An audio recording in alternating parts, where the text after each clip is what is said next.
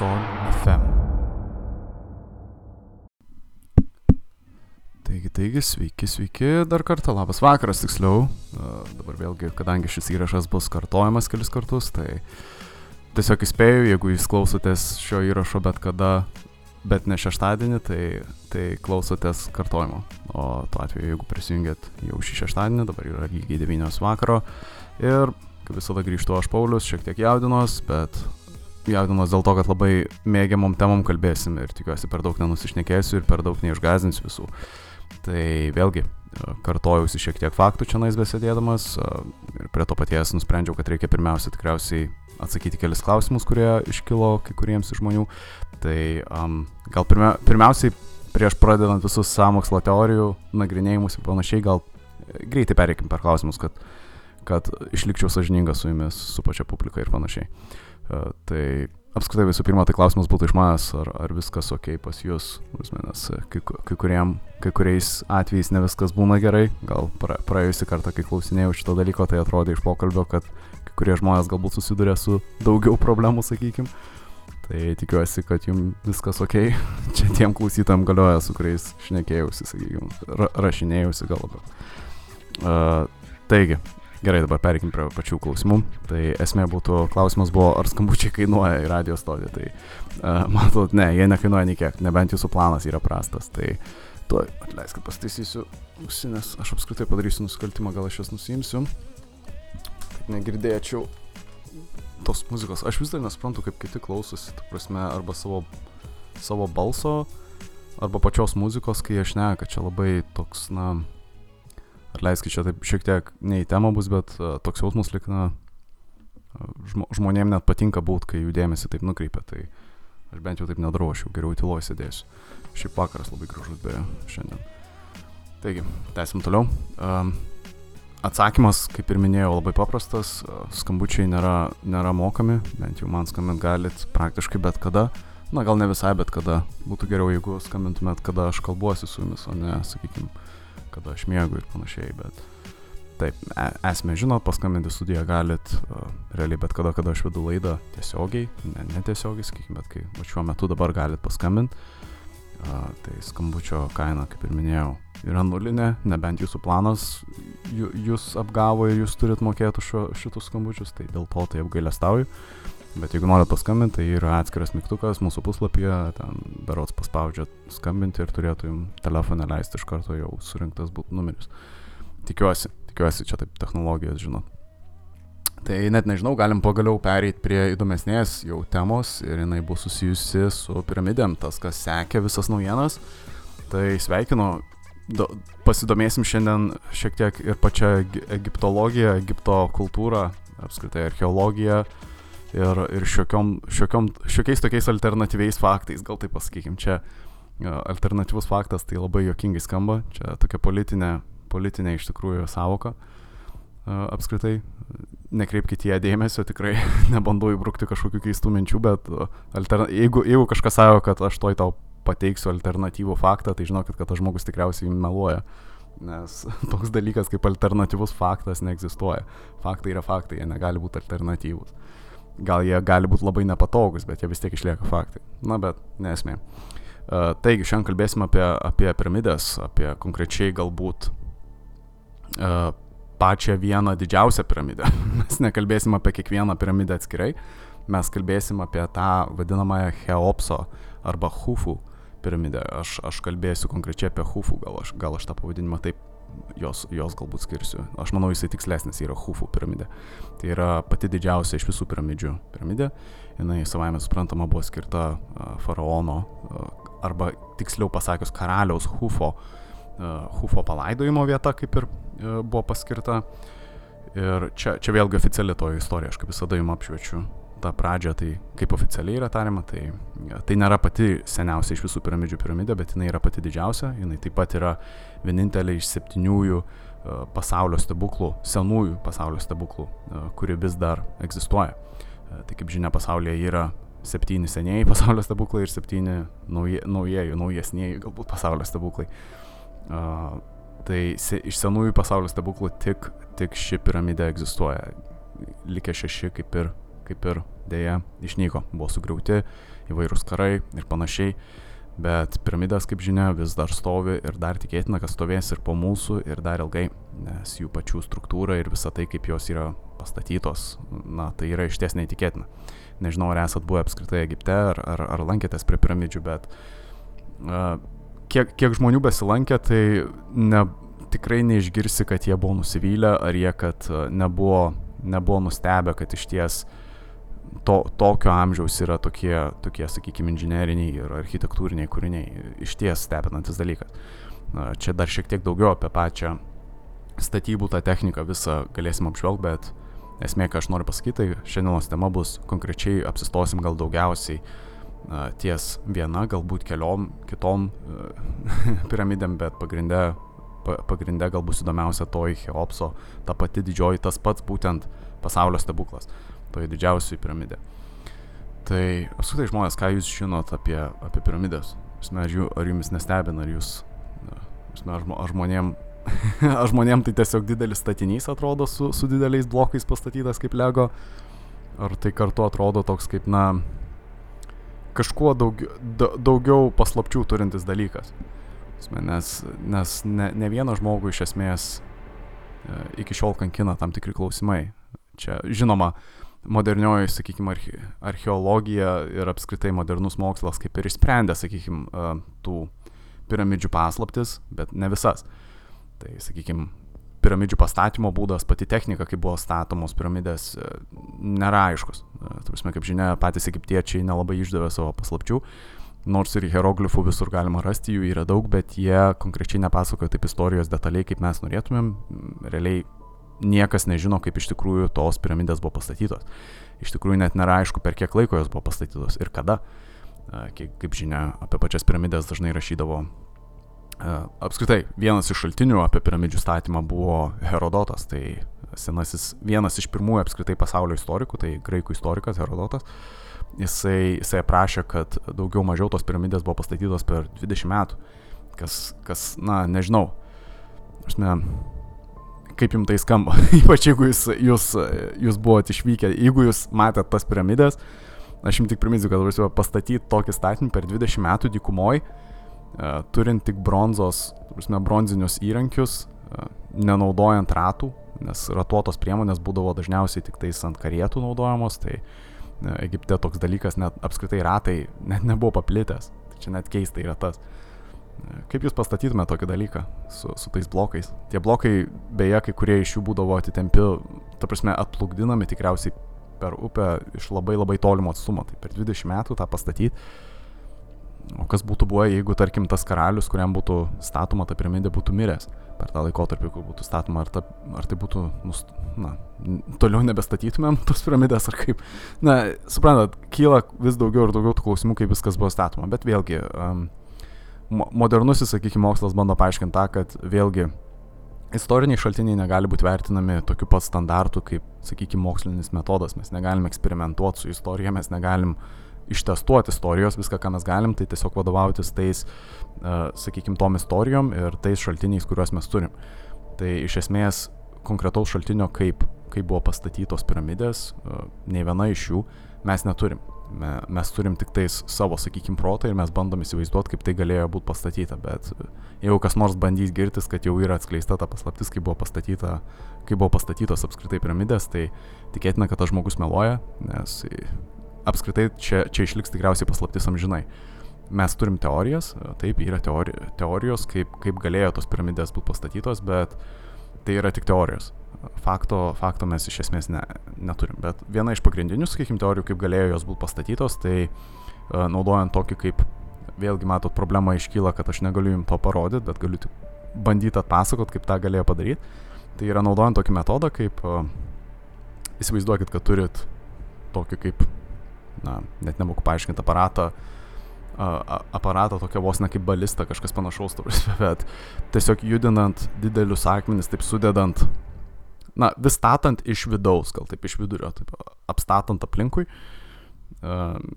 Kaip ir minėjau, labai aš neaiškiai tikriausiai išaiškinau tą, bet pasižiūrėjus pačią diagramą, tos teorijos gan aišku pasidaro, bet vėlgi yra problema su ta teorija, kad nėra labai aišku, kaip būtų užbaigta piramidė, ta prasme pats, pats viršus būtų pastatytas. Bet čia tiesiog ta oficiali teorija, kaip būtų galima pastatyti. Kaip iš tiesų buvo, tai mes nežinom. Tai vėlgi, perinam prie pačios samokslo teorijos. Tai aš jūsų dar vakar klausiau, bet e, šitos nuomonės iki galo tam, kad sudomint jūs, bet iš esmės ar jūs tikit, kad apskritai, ar jūs įsivaizduojat, kad galėtų būti piramidės senesnės, nei mums yra sakoma? Nes, kaip ir minėjau, toji Cheopso piramidė, jinai nėra seniausia iš visų piramidžių, bet jinai yra, uh, jinai vis tiek yra sena, jinai yra virš 2000 metų senumo, tai 2,5 tūkstančių metų senumo prieš Kristų. Tai čia yra beveik 5000 metų nuo mūsų, sakykime, taip ūkiškai tariant, 4500 metų atgal nuo dabar. Tai čia yra išties, išties didelis laiko tarpas, suprasme, beveik 5000 mečiai. Tai ir turėti tokią patvarę, sakykime, technologiją apskritai būtų antiek išprusus, kad pastatyti, pastatyti tokį, sakykime, statinį, kurį, kaip ir minėjau, jeigu lankėtės tenais, tai išties įspūdingas dalykas, išties vienas iš pasaulio stebuklų. Tai sugebėt pastatyti tokį dalyką, būnant gan primityviem, na, kelia, kelia ne vieną antakį. Ne, ne, pas, pas ne vieną žmogų iškelia po ne vieną antakį. Tai tas klausimas iškyla, ar negalėjo jos būti dar senesnės kas dar daugiau antakių iškelia, suprantu. Tai čia yra ta minėtoji samokslo teorija, apie ką mes šnekėsim. Ar galėjo piramidės būti apskritai senesnės? Ar, ar apskritai piramidės pastatė egiptiečiai? Ar negalėjo taip atsitikti, kad vis dėlto piramidės buvo rastos? Ir, ir, vietoj to, ir vietoj to piramidėse tiesiog, na, kaip čia sakė, jas pritaikė. Jas pritaikė kaip kapus. Bet jos nebuvo kapai, jos buvo kitokios paskirties. Ir mes apie tą paskirtį dar aiškinamės iki šiol. Ar negalėjo tai būti. Tai čia va šią nuomonę, šią, sakykime, samokslo teoriją, kaip visada, pabandysim pasiaiškinti, pasidomėti ir galbūt jūs sudomint.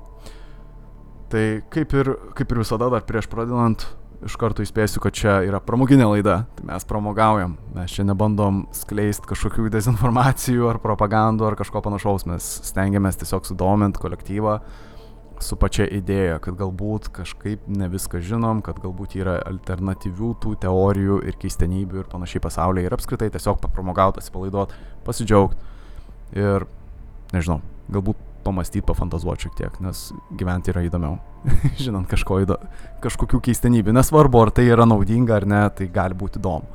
Taigi šiek tiek įsipatoginau ir pradėkim. Taigi, ką žinot apskritai apie Egiptą, šiek tiek mes istorijos pasimokinsim. Tai Pirmas klausimas, kad suprast pačią tą samokslo teoriją, tai reikia mums suprast, e, kaip patys egiptiečiai vertino, vertino piramidės. Tai yra tie, tie egiptiečiai, kurie populiarieji, sakykime, sakykime, egiptiečiai, kurie gyveno Egipte.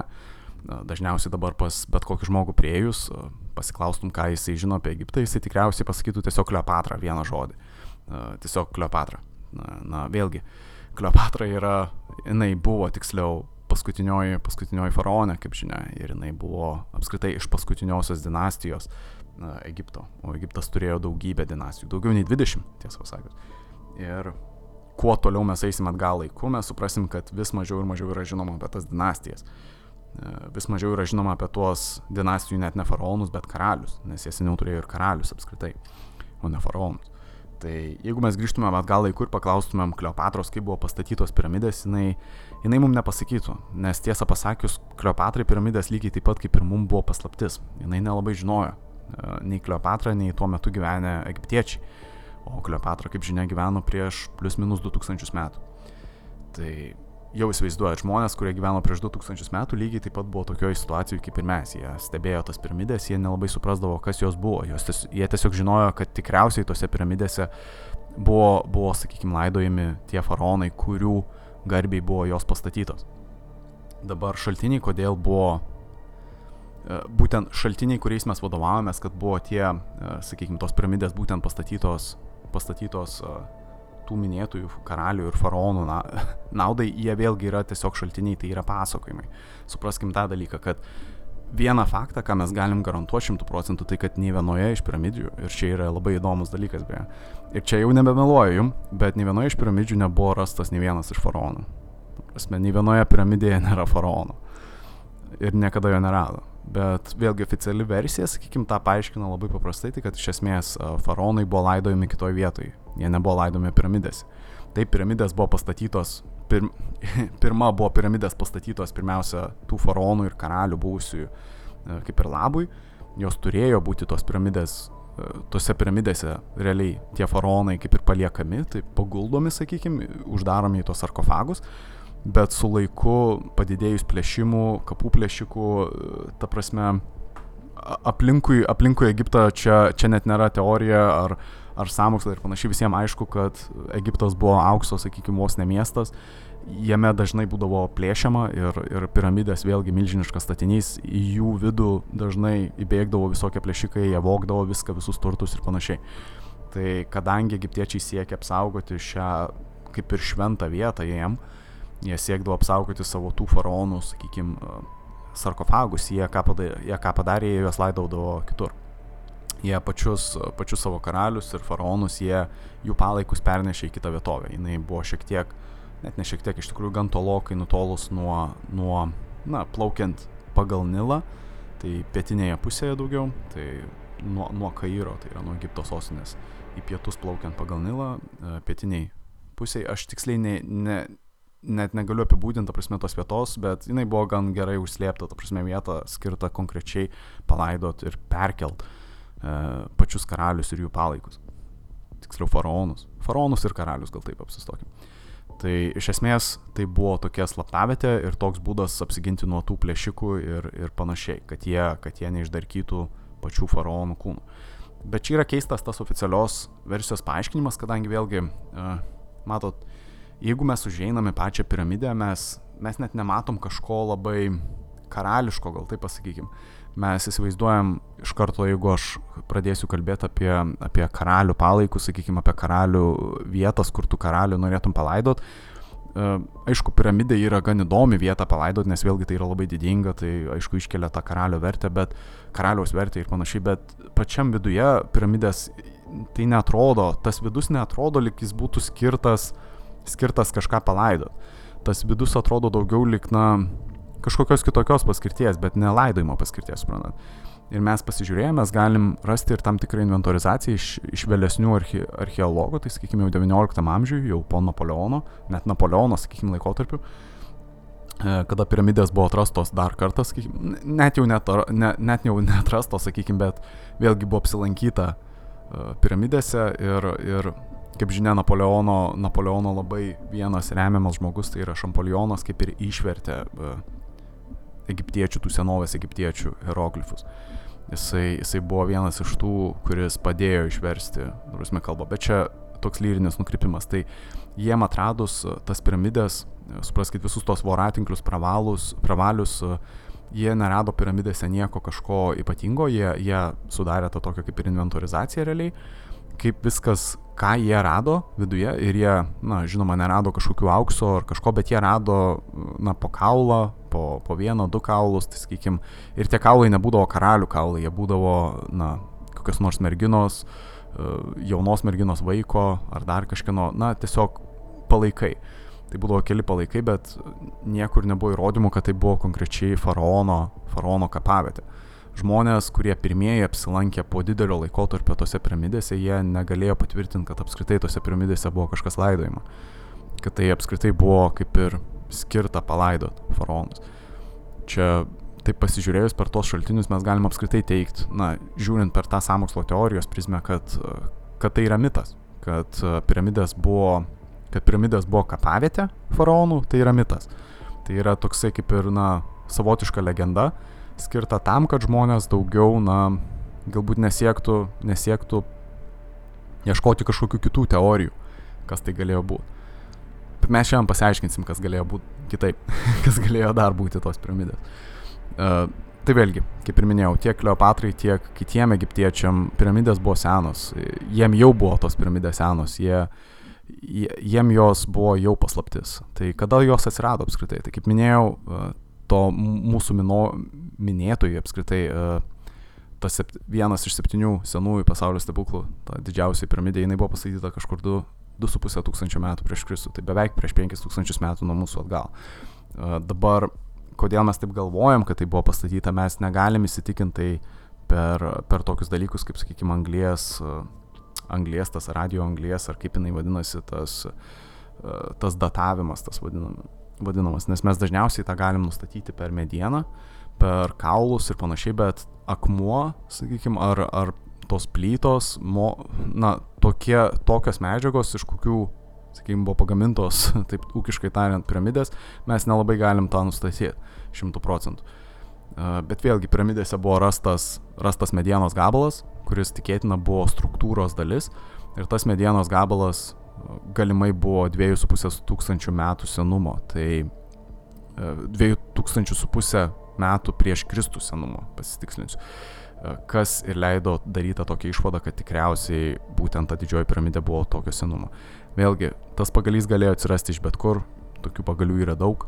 Ar jisai buvo išties pritvirtintas ir buvo struktūros dalis, o ne kažkas kitas, čia šimtų procentų mes to nežinom. Tas, tas vėlgi ta mediena, čia samokslo teorijų dalis, ta mediena galėjo būti pakeista, kažkas kitas galėjo ją per, perkelti. Galų gale iš vis, kur jinai atsirado, jinai tiesiog buvo muziejuje, buvo pamesta net labai ilgą laikotarpį muziejuje ta mediena ir staiga vėl atsirado. E, čia tokių keistų dalykų, žinokit, sutapimų ra rasim, rasim daugybę. Ir matau jau kai kurie, kai kurie žmonės, sakykime, jau, jau rašo komentatoriai, ta prasme, įdomių irgi e, faktų, bet aš dar prie jų prieisiu, to aš tik tais atsiprašau, iš, išblaškė šiek tiek, bet okay, pabandysim, pabandysim pratest toliau, atleiskit. Taigi, um, pasiaiškinkim dar apie pačią žmoniją ir kiek mes žinom pačios istorijos. Tai aš kaip ir minėjau, apie 5000 metų tuo laikotarpiu žmonės realiai neturėjo, neturėjo kažkokių ypatingų įrankių, jie tik atrado realiai kaip di, tą galimybę dirbti su metalu. Ir, ir apskritai, ta prasme, ta piramidė buvo kaip ir antroji didžioji piramidė, buvo, kuri buvo pastatyta. Kaip žinia, pirmesnė piramidė, jinai nebuvo naujausia piramidė ar seniausia tuo atveju piramidė. Jinai buvo uh, antroji, antroji realiai piramidė, kuri buvo tokio dydžio, galbūt per istoriją. Bet klausimas tai yra, kokia buvo pirmoji piramidė. Mes žinom, kad vis tiek kažkas turėjo pastatyti pirmąją piramidę. Tai yra Džoserio piramidė. Jinai laiptuotojų ta piramidė. Tikriausiai matėte ir žinot, kaip jinai atrodo. Ta laiptuotojų piramidė jinai atsirado, na, jinai buvo tokia daugiau kaip idėja to egiptiečių architekto Imhotepo. Dabar problema yra ta, kad Imhotepas yra labai atskleidžiamas kaip dievybė vos ne, pačiuose hieroglifuose. Skaitai skaitant egiptiečių mitologiją, susidaro įspūdis, kad Imhotepas net nebuvo žmogus ar, ar architektas, ar realus žmogus apskritai istorijoje, jisai buvo tikėtina vos ne kaip dievybė. Netikras žmogus, kuris, kuris ir buvo tas, kuris pirmasis padėjo sukurti tą pirmąją piramidę, tai tą laiptuotoją piramidę, tą Džoserio piramidę, kuri tikėtina buvo senesnė net už tą mūsų minėtąją mūsų apkalbėtą Hofų piramidę, tą didžiąją, tą pasaulio stebuklą. Taigi, pastačius laiptuotąją piramidę paaiškėjo, kad jinai nėra tokia tobula, kad jinai gali būti geresnė. Tai žmonės nusprendė pastatyti piramidę šiek tiek kitokią ir jinai tapo visiškai tokia trikampą, sakykime, ne, laip, ne be, be laiptų tokių, bet trikampą. Ir senovėje jinai nebuvo tokia, kokią mes matom ją dabar. E, kokią mes matom, tai ją matom blokuotą, sakykime, jinai labai... Uh, joje mes matom labai daug blokų, kaip pavyzdys. E, prasme, nežinau, kaip čia kitaip aiškinti, bet prasme, e, pačios piramidės buvo apdengtos kalkakmeniu. Tai tą, kad supras, tai jos turėjo spindėti labai, jos turėjo būti labai baltos ir lygios.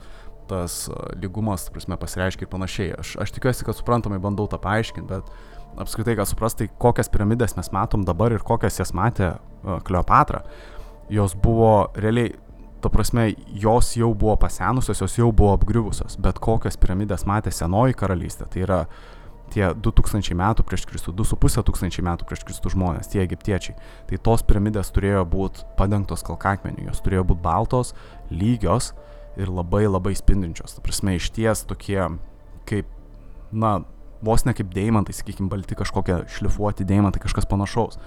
Žinoma, labai iš ties turėjo įspūdingai atrodyti. Mes, žinoma, negalim to atkarto dabar pradėti pliot ant tų piramidžių, nes tai jau yra kaip ir, na, žmonijos palikimas, sakykim taip. Bet pabandykite įsivaizduoti, kaip tos piramidės turėjo atrodyti jų pastatymo laikotarpiu, tai iš vis yra dar įspūdingiau, nes dabar, dabar mes ką matom, tai tiesiog tuos sustatytus labai tiks, tiksliai sustatytus, ta prasme, blokus, bet mes nematom, kaip jie galėjo atrodyti dar tuo pastatymo laikotarpiu, o jie tada turėjo atrodyti dar, dar, dar ta prasme įspūdingiau. Jie buvo iš vis dengti kalkakmeniu ir, ir jų pačių viršūniai jų pačių viršūniai, ta prasme, piramidžių viršūniai, jos buvo pauksuotos. E, ta prasme, čia irgi įspūdis. Kodėl?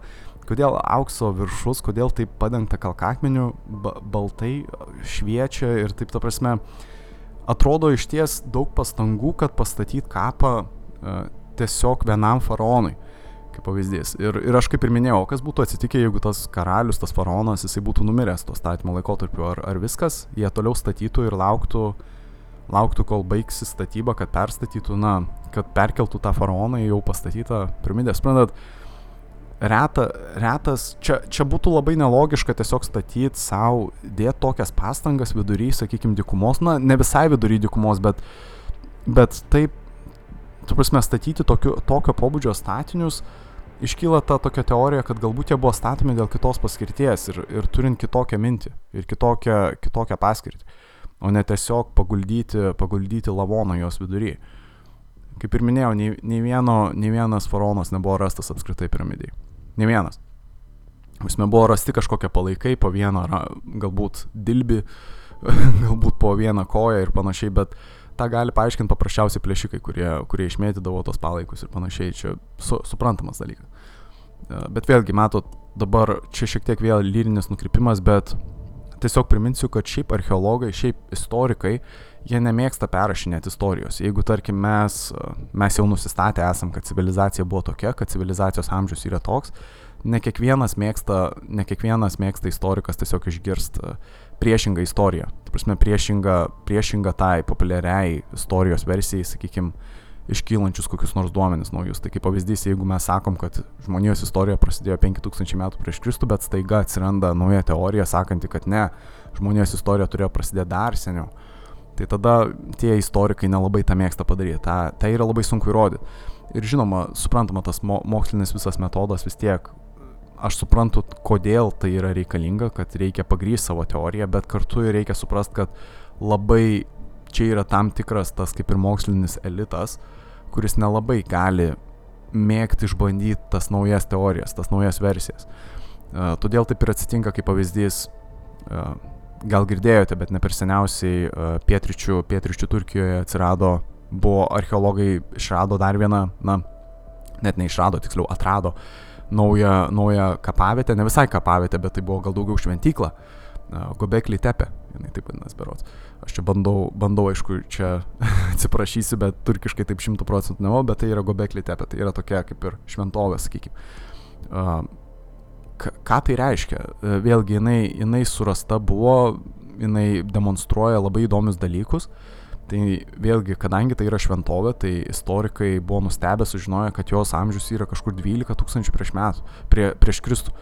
Tai čia yra išties įspūdinga, kadangi daugybė istorikų mane, kad apskritai žmo, žmonėje tuo momentu istorijoje tokių dalykų nedarė. Jie neturėjo šventyklų, jie nesiburdavo, jie dar būdavo tokie kaip ir medžiotojai, medžiotojai ir, ir vynogių rinkėjai, gal sakykim taip ūkiškai, dar, dar buvo tikėtina, kad tuo laikotarpiu uh, žmonija buvo visiškai, visiškai dar e, sulaukėjus, gal sakykim taip, necivilizuota.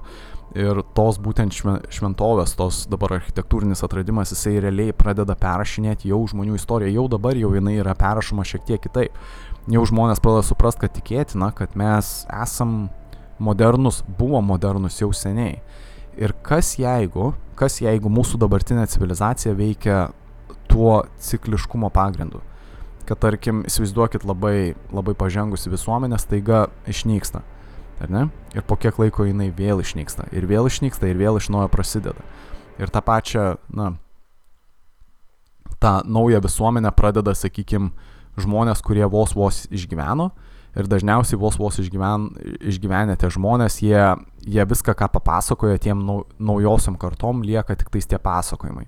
Suprantate, tie tokie pasakojimai, kurie gali būti pri, prilyginti bibliniams pasakojimams, tokiems, tokiems kaip, sakykime, tvanas. Bet vėlgi priminsiu, kad kiekviena kultūra turi savo tvano mitą.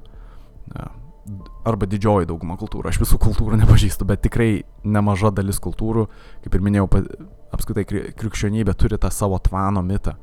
Kad kažkas turėjo atsitikti. Ar gali būti taip, kad vis dėlto tai nėra tiesiog mitas, bet kartu ir kažkoks faktas, kad vis dėlto buvo kažkoks gamtinis kataklizmas, lėmęs panardinimą žemėje prasme, didžiąją dalį žemės panardino po vandeniu, dėl ko mes, prasme, didžioji žmonijos dalis realiai išnyko. Nepriklausomai nuo to, ant kiek tu esi technologiškai pažengęs, tu negali pasiruošti tokiem kataklizmam žemės. Įsivaizduokit, pradėtų tokie dalykai dėtis pas mus, tarkim, kelių kilometrų aukščio banga tiesiog artėtų. Tikėtina, kad ne vienas iš mūsų neišgyventumėm. Ir mūsų visi miestai, viskas, ką mes sukūrėm, tiesiog išnyktų per kelias, per kelias sekundės realiai. Ir pat, pati vandens erozija, suraus vandens erozija, sakykime, sunaikintų ir visus metalus ir, ir viską realiai per, na, per tūkstantį metų, sakykime, jau nieko neliktų iš mūsų, jeigu mes staiga atsidurtumėm po vandeniu. Ir sekantis archeo, archeologai po 10 tūkstančių metų, sakykime, jie žiūrėdami mūsų tuos griuvėsius, jie tikriausiai nieko nerastų. Jie, jie tikriausiai, na, rastų gal kokią vieną kitą plytelę, bet jie, bet jie nedarytų kažkokios didelės išvados iš to, jie, jie nežinotų, kas tai yra. Jie sakytų, kad čia tiesiog gal keistas sutapimas, kad čia gal kažkas kitas ją numetė tą plytą. Na, čia sakytų, kad čia tiesiog keista struktūra, gam, gamtinė struktūra. Tai aš, aš ką noriu tom pabrėžti, kad se, amžius tiesiog, kuo, kuo mes toliau einam atgal, žem, atgal Žemės istorijai, žmonijos apskritai istorijai, tuo yra sunkiau nustatyti apskritai uh, apskritai kas gyveno, kaip buvo, ka, kas ten gyveno, kokio, kokio amžiaus, sakykime, tas yra meno kūrinys, jeigu buvo kažkas paaišoma ant tų, ant tų sakykime, urvų ir panašiai, tampa vis sunkiau ir sudėtingiau, tu prasme, nustatyti viską, ant kiek yra sunku, ypač jeigu mes turėjom kažkokį gamtinį kataklizmą. O jeigu jų buvo daug, jeigu vis dėlto jie buvo, na, cikliniai, suprantat, ir aš, ir aš mes bandysim tą, nebūtinai aš sakau, čia gal šiuo atveju mes visi bandysim pasimokinti šiandien ir, ir iškeltą klausimą savo galvoje, kad o jeigu taip galbūt galėtų būti, ar yra jau netgi, ir, ir panašiai. Tai kaip ir minėjau, pats žmonijos amžius yra, yra klausimas. Mes žinom, kad mes kaip Homo sapiens realiai anksčiausiai galbūt pradėjome egzistuoti kažkur apie 200 tūkstančių metų prieš. Iš ties didelis laikotarpis, ta prasme. Dabar modernų žmonės, tokie, kurie būtų, sakykime, pagal savo protą panašus kaip mes, tai kaip pavyzdys, jeigu, net nežinau, jeigu mes pavoktumėm tą prieš istorinio žmogaus kūdikį ir jisai auktų mūsų sąlygomis, ar jisai išauktų nesulaukėjęs, kaip pavyzdys. Tai anksčiausiai galbūt būtų apie 50 tūkstančių metų prieš Kristų. Tai, na, arba tiesiog, sakykime, jau paprastai 50 tūkstančių metų prieš mus. Tai tikėtina, kad apie 50 tūkstančių 50 tūkstantmečių mes jau egzistavom kaip žmonės, kurie turi, na, kurie yra daugiau mažiau tokio pat protinio išprusimo, sakykime, kaip mes, kurie gali būti protingi, na, pakankamai protingi, kad galėtų sukurti įvairias technologijas. Dabar pasižiūrėkim, kiek mes sugebėjom pasiekti per tūkstantį metų. Jau vos per tūkstantį metų. Prieš tūkstantį metų, kas buvo 1023 metai. Lietuva buvo paminėta, žinoma, pirmą kartą. Kaip pavyzdys, buvo kryžiaus karai dar net nebuvo prasidėję, apskritai žmonės dar, žmonės buvo, na, labai, labai pra, prastame laikotarpį, medicina buvo primityvi, šamanizmai, iš ties yra sunku įsivaizduoti, kokia buvo visuomenė. Dabar pasižiūrėkit po tūkstančio metų, kas atsitiko, prasme, tiek politiškai, tiek technologiškai, kiek mes pažengėme. Mes vairuojam automobilius, mes dabar va kalbu aš jumis FM bangom ir internetu ir, tu prasme, mes net į tai žiūrim kaip į paprastą dalyką, tai mums net nėra kažkokia naujovė. Asmeniai įsivaizduokit, jeigu mes dabar grįžtumėm tūkstantį metų atgal, tiesiog paliktumėm, paliktumėm tą telefoną savo rankose kokiam nors iš vienų žmonių, sakykime, tų praeivių, tų, tų kryžiaus žygininkų, tų būsimo kryžiaus žygio žygininkų. Ir tiesiog paliktumėm tą telefoną ir išeitumėm, atgal grįžtumėm į savo laiką. Tikėtina, kad tas žmogus nesuprastų, ką reikia daryti su juo. Jisai yra toks pats žmogus protiškai kaip mes, bet kadangi jisai ne, nekeliavo kartu su ta technologija kaip mes, jisai nelabai supranta, kas tai yra per dalykas, jisai nežino, kaip naudotis tuo. Kas atsitiktų mūsų telefonai, tai jis visų pirma išsikrautų ir, ne, ir jisai, na, tas, sakykime, žmogus iš praeities, jisai nežinotų, ką daryti toliau. Tai su laiku tai taptų vos ne kaip legenda, tas telefonas gal jisai pradėtų kaip ir pūt, sakykime, jisai būtų nenaudojamas ir po tūkstančio metų iš to telefono neliktų nieko. Dabar įsivaizduokit, kad mes esam dabar tie prieš istoriniai žmonės, kalbant apie piramidės. E, aš nesakau, kad kažkas keliavo laiku, kad atsi... gal tik nesulyginkim tą keliavimą laiku. Aš nesakau, kad kelia... keliavo kažkas laiku, kad palik piramidės, bet įsivaizduokit, kad kažkas pastatė piramidę su tuo tikslu, kad kažkas ateityje žinos, kaip jas panaudoti. Ir mes esam tie žmonės, kurie dar nežinom, kaip jas panaudoti. Mes tik spėliojam. Ir čia yra vienas, viena iš tų samokslo teorijų. Ga, nežinau, ar apie tai pamastėt, bet čia ma, mane tai, bent jau aš skaitydamas, iš ties susimaščiau apie šitą dalyką. O kas jeigu mes tiesiog matom tas piramidės ir mes esam būtent tas žmogus, kuris gavo, gavo tą išmanųjį, išmanųjį telefoną, bet net nesupranta, ką jisai gavo. Ir jisai tiesiog naudojasi su tuo telefonu taip, kaip įsivaizduoja. Jisai jį išlovina, jisai jį naudoja kaip turistų atrakciją. Dabar jisai sugalvoja istoriją galbūt tą, to telefono, kad tai yra kažkoks mistinis daiktas skirtas kapavietėje ar dar kažkas, prasme. Ir suprantat, ką turiu menį, kad mes turim galbūt kažkokią antikinę technologiją šiuo atveju, kas tai būtų būtent tos piramidės, kuriomis mes nemokam naudotis. Paprasčiausiai šiuo metu. Bet su naujomis teorijomis atsiranda idėja, kas tai galėjo būti, kas apskritai tos piramidės galėjo būti ir kaip jos, kaip jos veikt galėjo iš esmės. Aišku, eksperimentuoti su tuo nepatarčiau kiekvienam žmogui, bet galbūt idėjos yra. Bet kaip pavyzdys, nukreipsiu vieną dėmesį, vėl šiek tiek pačią temą ir jūsų dėmesį gal šiek tiek nukreipsiu, bet priminsiu, kad yra toks dalykas kaip piramidinės elektro, elektros generatoriaus na, patentas. Iš esmės vienas amerikiečių išradėjas, jisai ne per seniausiai, berots užpatentavo, ne, net ne, ne per seniausiai, iš tiek jau gan senokai, jau pra, praėjusiam šitmetį, užpatentavo išradimą, kuris yra, na, jis atrodo kaip piramidė, kuri gamina elektrą. Gal taip, ūkiškai tariant, aš vėlgi tų patentų labai skaityti gerai nemoku, jis yra gan sudėtingas, bet vėlgi tam, kad užregistruot patentą reikalinga na, reikalinga įrodyti, kad tas išradimas apskritai veikia. Sprantat, įsivaizduojamo dalyko nelabai lengva, nelabai lengva iš tikrųjų yra užpatentuoti. Tai tikėtina, kad kažką tas išradėjas turėjo menį, kad kažkas su piramidėm ir elektra gali būti surišta. Ir aš tik priminsiu, piramidžių viršūnėje turėjo būti kažkas, kažkas, kas padeda, padeda perduoti elektrą, tai yra auksinis dalykas. Mes auksą naudojame ir iki šiol, be, be, berots laiduose. Tai čia tik tais čia tik pradžiai jums primenu, kad e, suprastumėt, link ko, link ko mes bandysim eiti, kas galėtų būti piramidės, kas galbūt galėjo būti.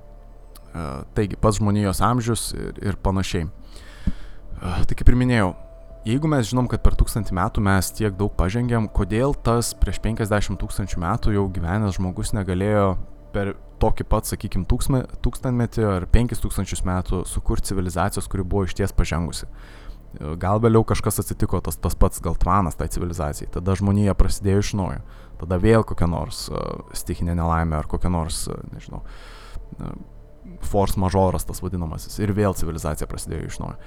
Čia, čia yra galbūt propaguojama ta cikliškumo teorija, jinai, na, daugelio tų galbūt nelabai populiarių istorikų ir žurnalistų yra propaguojama, bet ta teorija, kad apskritai kiekviena žmonijos, na, žmonijos istorija apskritai yra cikli, cikliška. Turime, kad civilizacijos susikūrė, jos, jų pagrindų susikūrė įvairios imperijos, kurios žlunga, po kažkiek laiko atsitinka kažkoks stichinis, sti, ka, kažkokia stichinė nelaimė ar kažkas susijus su mūsų Saulė kaip pavyzdys, nes mes vėlgi, kaip žinia, mes esam gan toli nuo Saulės, bet Saulė, nuo Saulės radiacijos mes labai esam priklausomi ir iš esmės vienas bloga, viena bloga, sakykime, vienas blogas pliūpsnis saulės gali sunaikinti realiai mūsų visas uh, elekt elektrotechniką, mūsų visą realiai. Įsivaizduojate, jeigu vairuojate elektromobilį ir mes gaunam pliūpsnį nuo saulės gerą, tu prasme, susinaikins jūsų Tesla, nepykit, bet taip gali atsitikti. Ir nieko nepadarysi iš to, mes negalim valdyti saulės šiuo atveju, tai kaip pavyzdys. Tai o jeigu taip atsitinka vis kiekvienai civilizacijai, mes, mes to negalim nuspėti, mes galim įsivaizduoti, kad tai gali atsitikti, bet mes nei galim pasiruošti tam, nei mes galim tinkamai nuo to pasprukt, realiai, tai tiesiog atsitiks. Tai turi atsitikti, realiai, mes žinom, kad tai turi atsitikti, mes tiesiog nežinom kada, šimtų procentų. Ir šiuo atveju, o kas jeigu taip atsitinka cikliškai, tai, sakykime, kas 5000, kas 10 tūkstančių metų, mes nežinom. Ir, ir tokiu pagrindu galbūt mes galim padaryti tokią samokslo teoriją, kad galbūt vis dėlto žmonija turėjo ne vieną tą tokį technologiškai, technologiškai pažengusią civilizaciją, kuri vis išnykdavo ir vis iš naujo susikurdavo ir vis išnykdavo.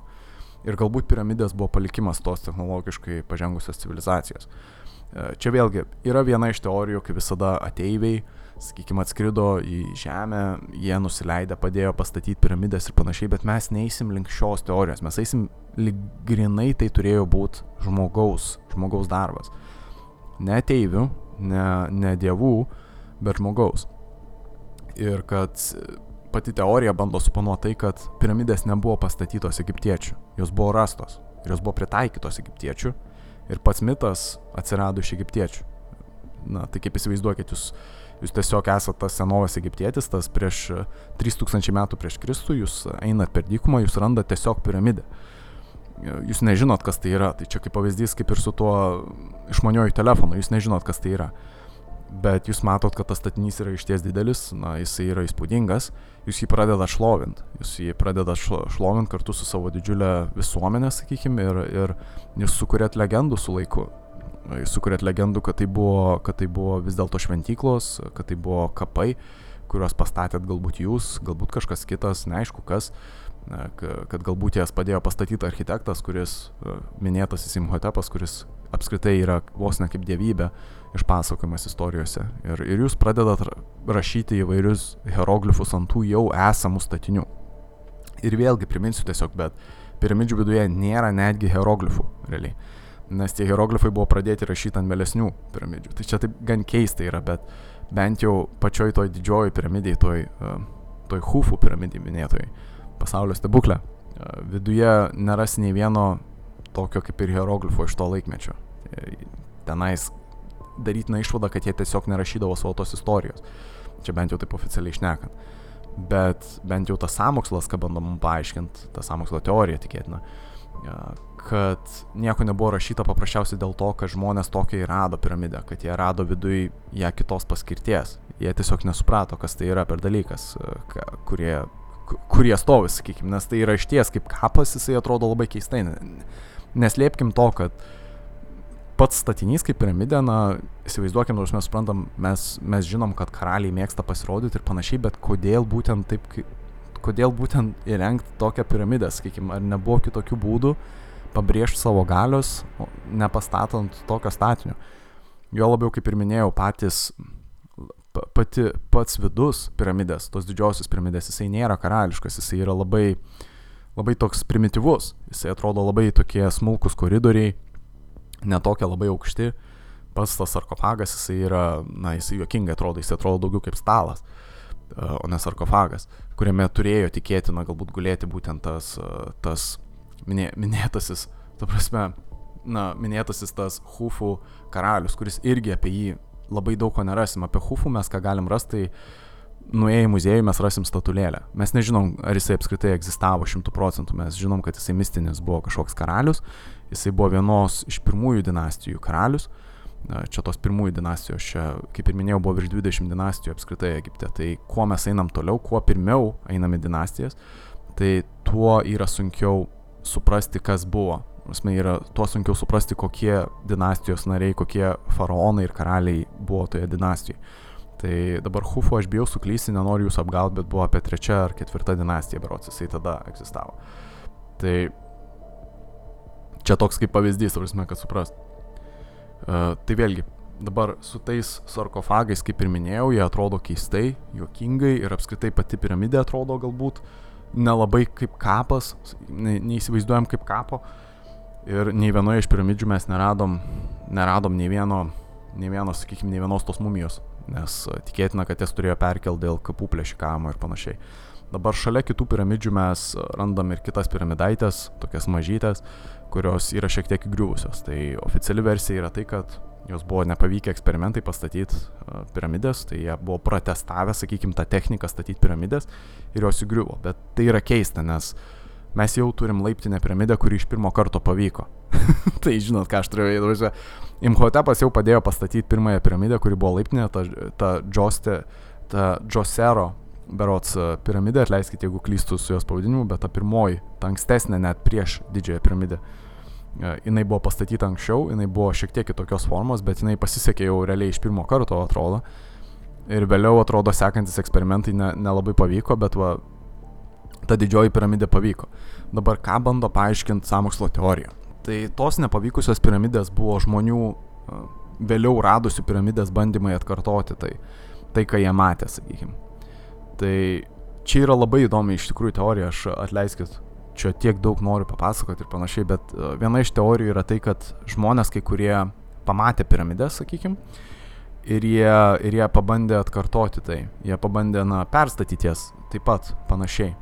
Bet jiem vis nepavykdavo ir jos vis griūdavo ir panašiai. Ir jie, jie nelabai suprato tos technikos, kai kurie, ir dėl to kai kurios tos vietos, sakykime, kur mes nu, nuvykę į Gizą, mes pasižiūrėtumėm tas apgriūsias piramidės, mes pamatysim, kad jos, na, realiai atrodo, na, net nebuvo stengtasi labai statyti daug, net nepavyko visko apstatyti, tiesiog, na, sugriuvo. Sugriuvo ir viskas, ir tiesiog palikta. Tai tikėtina, ta, sakykime, ne, ne tai, kad tikėtina, bet apskritai ta pati teorija bando mums suplanuoti tai, kad galbūt, galbūt žmonėms tiesiog nepavyko atkartoti tai, ką jie pamatė. Jie matė tą įspūdingą didžiulį statinį, tą su, kaip ir minėjau, kalkakmeniu ir su aukso viršum. Ir jie nusprendė, kad vis dėlto jiem nepavyks to pastatyti. Todėl jie nusprendė pradėti šlovint tos dalykus kaip kažkokias dievybės, kaip kažką atrasto ir panašiai nematyto niekur ir jie pradėjo rašyti hieroglifus ant sienų apie istorijas, įvairias karalių istorijas ir kaip tos piramidės buvo pritaikytos kaip kapai, kapavietės. Uh, tai vėlgi, čia nais buvo apie piramidės, bet aš dar ką pamiršau jums paminėti, kad šiek tiek pašnekėsim ir apie Sfinksą. Kaip žinia, netoliese randasi piramidžių ir dar vienas, dar vienas sakykime, ne, nemažai nemažai sulaukiantis įspūdžių ir ne, nemažai turistai, turistų lankytinas objektas tai yra būtent tas Sfinksas. Uh, Tai ar, ar, ar esat apsilankę kada nors prie Sfinkso, ar, ar matėt jį gyvai?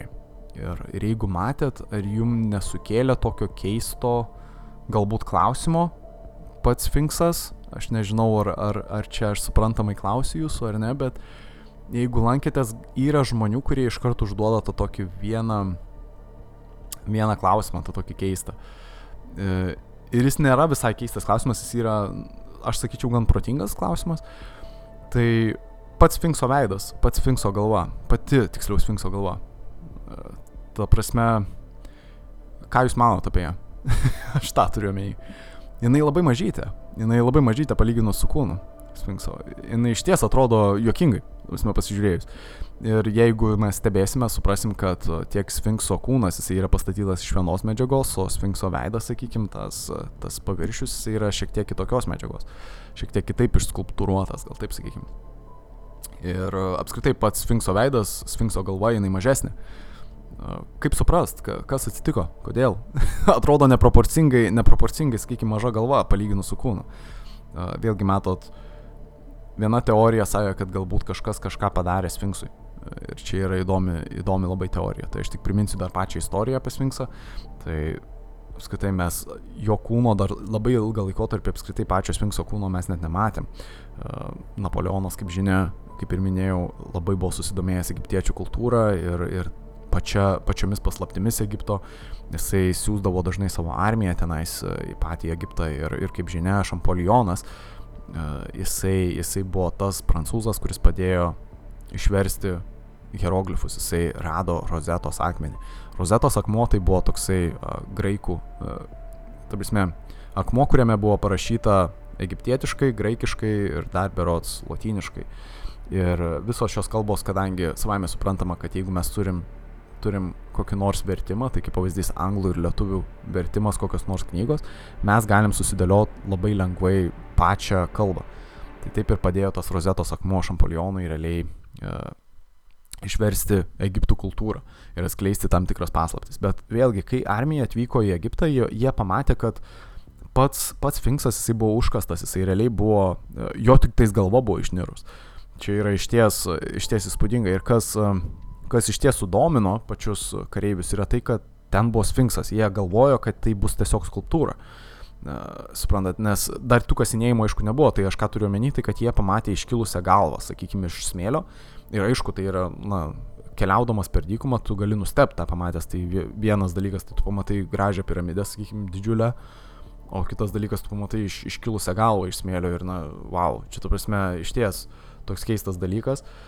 Ir, ir žinoma, pati armija, jie dar kasinėjimų nebuvo atlikę, bet jie perpaišė daugiau mažiau tą, tą atvaizdą, kaip daug maž tai turėjo atrodyti. Aišku, nebuvo nuotraukų tai laiko, tuo laikotarpiu, mes, bet bent jau tie brėžiniai, tie piešiniai gali mum, e, na, leidžia mum padaryti tokią išvadą, kaip viskas daugiau mažiau atrodė. Ir tai yra išties, na, įspūdingas dalykas. Tai vėlgi, prasidėjus tiem kasinėjimam, žmonės iš ties nustebo, kad tai buvo būtent Sfinksas, nes kai kurie tikėjosi, kad tai bus tiesiog skulptūra, tai tiesiog bus kaip, na, vieno iš faraonų veidas, sakykime, o ne, o ne Sfinksas. Jie kai pamatė, kad tai yra liūto, na, liūto kūnas ar kažkas panašaus į liūtą kūnas, jie, jie šiek tiek nustebo, nes buvo iš ties neįtikėtina. Ir, ir tas vienas iš dalykų dar, kas supanavo, tai būtent tas, ta galva, tos galvos dydis. Jis yra labai neproporcingas pačiai skulptūrai. Ir dabar klausimas iškyla, kas tai galėjo būti. Ta prasme, gal ta galva vis dėlto buvo per, perskulptūruota, tai galbūt egiptiečiai, tie senovės egiptiečiai, tai kaip ir minėjau, grįžtame 3000 metų prieš Kristų, e, tu esi egiptietis, kuris staiga randa piramidės ir sfinksą, kuris atrodo kitaip nei, nei dabar. Ir ką tu padarai, tai tu perskulptuoji sfinkso veidą į savo vieno iš savo karaliaus, kurio nors atvaizdą galbūt panašesnį, o, o pačias piramidės pradedi kaip išlovint. Ir realiai tokia yra teorija. O kaip sfinksas galėjo atrodyti, tai čia yra daugybė teorijų, bet uh, pabandysiu duot, duot tas dvi egzotiškiausias galbūt teorijas, tas samokslo teorijas, bet jos yra išties įdomios ir labai siūlau apie jas uh, pas, paskaityti tiem, kas do, domisi jo. Vėlgi jos nėra kažkom pagrystos šimtų procentų, prasme, bet jos, jos yra konkrečiai, na, idėjos, gal taip sakykime, idėjos, kaip tai viskas galėjo būti. Tai galbūt Sfinksas buvo su liūto galva, tiesiog su liūto galva. Čia taip viena iš tų idėjų. Uh, kas tą leidžia daryti tokią išvadą, tai vėlgi jeigu mes įsivaizduotumėm, kad piramidės ir apskritai sfinksas yra senesnis nei mes įsivaizduojam, tai ga, galėjo būti taip, kad liūtas buvo atsisukęs į liūto, tą vadinamąją liūto, um, kaip čia pasakyti, liūto žvaigždyną, kažkas panašaus į jį, ta prasme. Ir jeigu jisai būtų atsisukęs, nes kaip žinia, apskritai egiptiečiai, Egiptas yra siejamas labai su, su žvaigždynais, su žvaigždėm, su kosmosu, apskritai su kosmologija. Taip sakykime, su astrologija, kosmologija ir panašiai. Tai jeigu Sfinksas būtų atsisukęs, atsisukęs būtent į liūto tą žvaigždyną, jisai būtų tą padaręs prieš anksčiausiai kažkur prieš kokius 13 tūkstančių metų, 12-13 galbūt tūkstančių metų, kai kurie bando pasakyti apie 10 tūkstančių metų, vėlgi su matematika aš bandau nesipyk, bet aš šimtų procentų nežinau. Tai viena iš teorijų yra, kad galbūt Sfinksas buvo atsisukęs būtent į tą žvaigždyną ir jisai atrodė ne kaip Sfinksas, kaip mes jį matom, bet jisai buvo liūto, liūto pavydalu. Vėlgi, oficiali istorija šiek tiek ginčina šitą dalyką, net ne šiek tiek, labai ginčina, o kadangi yra tai, o, o tas pats ginčinimas yra iškyla iš tos pusės, kad mes turim ir kitų Sfinkso pavyzdžių, mes žinom, kaip Sfinksas atrodė anksčiau. Ta prasme, čia ne vienintelis Sfinksas, kokį mes matom, apskritai Egipte. Tai turim tą didelį Sfinksą dykumoje ir yra Sfinksas, ir yra Sfinksas tokia mažesnė statulėlė, kurią galima ir muziejuje rasti. Dabar problema su tuo Sfinksu, kuri yra kaip statulėlė, yra ta, kad na, galva to Sfinkso yra išties, išties uh, proporcinga, netokia kaip to, to mūsų didžiojo Sfinkso, kurį mes matom dykumoje. Tai čia pirma problema. O kita problema, kad ir to sfinkso, kurį mes matom statulėlėje, to jau proporcingo, proporcingos galvos, sakykime, sfinkso, uh, jisai yra su liūto ausim, kas irgi yra keista, uh, tas sfinksas, yra, yra jisai tokia statulėlė.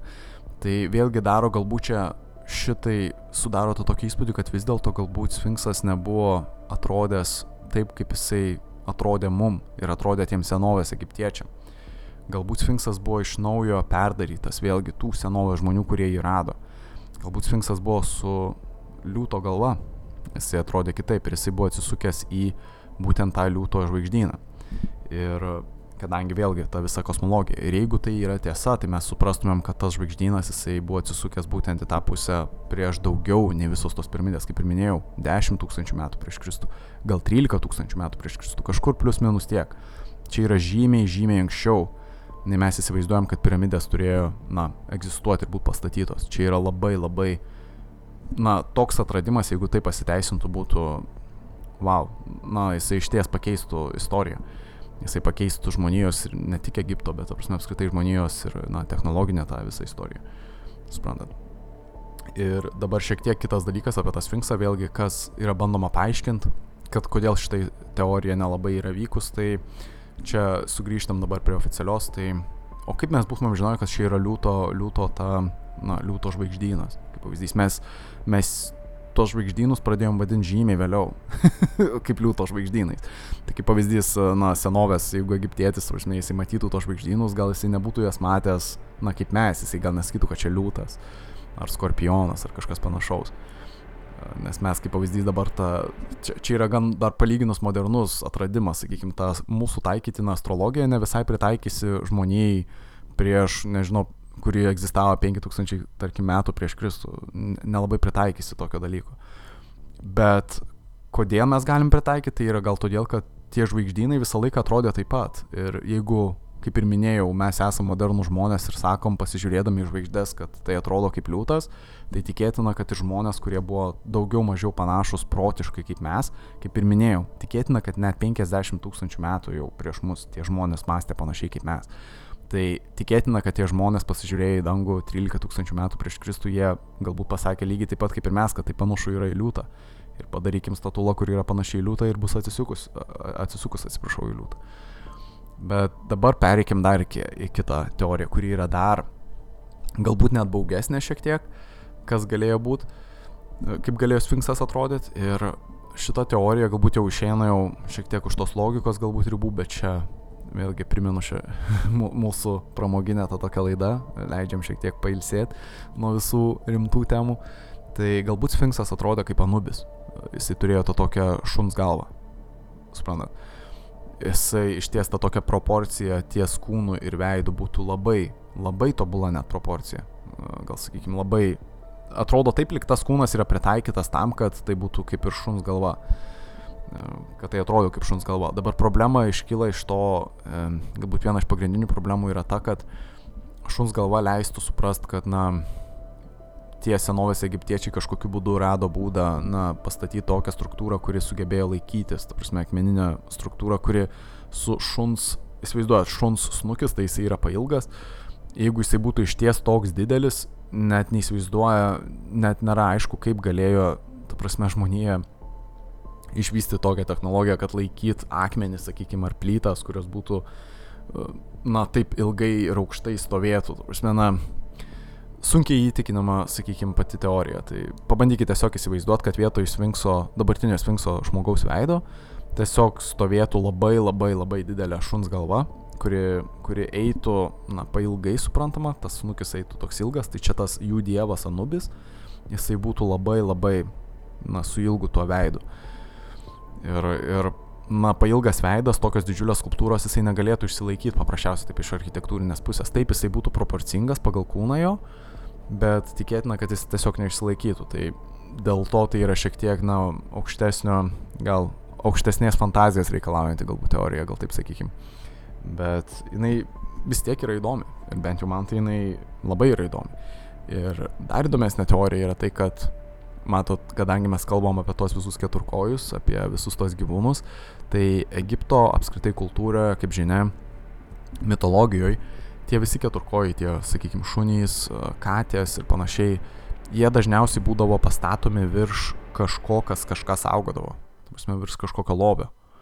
Tai kaip pavyzdys, jeigu mes kalbam apie Anubį ar apie liūtą, jeigu, jeigu kažkuris iš šių variantų yra teisus ir vis dėlto taip atrodė tas senovės Sfinksas, tai mes galim padaryti tą išvadą, kad galbūt jisai stovi virš kažko, kad galbūt virš, virš kažkokio lobio, šventyklos gal, gal vis dėlto kažkas yra užkasta po smėliu. Čia yra ta teorija. Ta viena iš samokslo teorijų, kad galbūt prie dabar, už, tiksliau po dabartinių sfinksų, kurį mes matome, giliai, giliai po juo yra kažkokia šventykla kad galbūt po juo yra kažkokia, nežinau, saugoma paslaptis, apie kurią niekas nežino ir kurios dar niekas netrado. Vėlgi klausimas iškyla, kad, na, ar yra kokių nors įrodymų. Matot, buvo atlikti tam tikri uh, tie, sakykime, seisminiai ar, ar tokie kaip ultragarsiniai, sakykime, tyrimai, uh, kurių pagrindų buvo nustatyta, kad taip, iš ties yra kažkokios uh, žemės ertmės po žemė tenais, giliau žiūrint. Ir klausimas iškyla, na, kokios, ta prasme, kas ten yra, ar, ar ten gali būti tos gamyklos, bet mes negalim to ištirti, nes vėlgi metų tai yra, suprantat, Eg Egiptas, Egiptas kaip valstybė, jie saugoja šitos objektus, suprantama. Ir net jeigu jūs iš ties būtumėte įsitikinę, kad ten yra kažkas, tikėtina, kad Egipto valstybė tiesiog jums neleistų nuvykti tenais ir atlikti kasinėjimą, nes suprantat, iškiltų rizika, kad jūs galite netyčia sugriauti šitus objektus. O dar blogiau, įsivaizduokit, jūs, jūs atliekat iškasinėjimus ir nieko nerandat. Ir išgriovėt visą tą objektą ir panašiai. Plus, egiptiečiai, e, tiksliau, Egipto apskritai valstybė, na, jie gauna labai labai didelius pinigus iš turizmo. Tai tie objektai, jų vienas iš didžiausių siekių tai yra išlaikyti tos objektus tokius, kokie jie yra dabar. Be jokių pakeitimų, be jokių archeologinių tyrinėjimų ir panašiai. Tai net jeigu jūs iš ties turėtumėte tą gerą pagrindą atlikti kokį nors tyrinėjimą, aplink objektus tikėtina, kad Egiptos, Egipto valstybė apskritai nesuteiktų jums jokio leidimo, nes paprasčiausiai jie neturi to intereso. Jų interesas yra išlaikyti tuos objektus kuo labiau patraukliais uh, turistam. Tai paprasčiausiai tu ir aš esam tie turistai, kurie, kurie norim aplankyti Egiptą, bet mes niekada nebūsim tie žmonės, kurie tą Egiptą ištyrinės kaip norim. Nes e Egiptas nori mūsų pinigų, Egiptas nenori mūsų, mūsų sakykime, atradimų galbūt, ar, ar mūsų pa, pa, paslapčių ir išsiaiškinimų ieškojimo. Egiptas nėra suinteresuotas ties tuom. Egiptui reikia daugiau turistų ir daugiau turizmo pinigų. Tuo tarpu tie atsakymai, nors ir galbūt kai kurie archeologai deda tas pastangas išsiaiškintai ir galbūt iškelia tas teorijas ir, ir bando išsiaiškinti, kas galėtų būti po Sfinksų. E, deja, jie, jie tikriausiai niekada nesužinos, nes paprasčiausiai pati valstybė jiem neleis to atlikti. E, tie, tie visi, na, suprantama, tiek piramidės, tiek Sfinksas yra, na, tas toks kaip ir palikimas žemėje. Mes negalim rizikuoti sugriauti juos. Parašiausiai dėl to, kad išsiaiškint, ar vis dėlto kažkas yra ar ne. Bet kaip ir minėjau, viena iš teorijų yra, kad Sfinksas saugojo kažkokią paslaptį, kad galbūt po juo yra, po juo yra užkasta kažkokia paslaptis, kaip žmonija egzistavo prieš tai. Galbūt net ir tie ateiviai, kaip ir minėjau, galbūt tie ateiviai vis dėlto yra, ten ateivių technologijos kažkokios yra pačioj. Visko galite prisifantazuoti, bet mes tiksliai nežinom. Nežinau, ar kada sužinosim. Būtų labai įdomu sužinoti.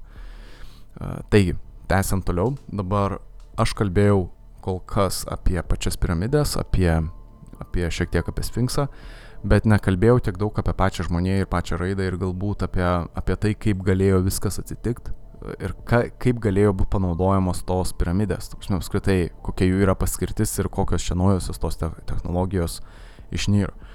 E, iš ties įdomus dalykas, aš nenoriu jūsų čia labai suerzinti, bet e, jau kalbu daugiau kaip valandą, todėl atleiskit, kad Uh, tikriausiai šiek tiek reikės padaryti dar pertraukėlę, tokią trumpą 10 minučių plus minus ir tada sugrįšim ir pabandysiu, išse, pabandysiu atskleisti tokią įdomią teoriją, vėlgi samokslo teoriją, kaip galėjo piramidės būti panaudotos. Uh, čia tiem, kam įdomu, tai iš anksto tiesiog spėsiu priminsiu apie tą patentą, apie tą piramidės ir elektros gam, gamybos, sakykime, patentą.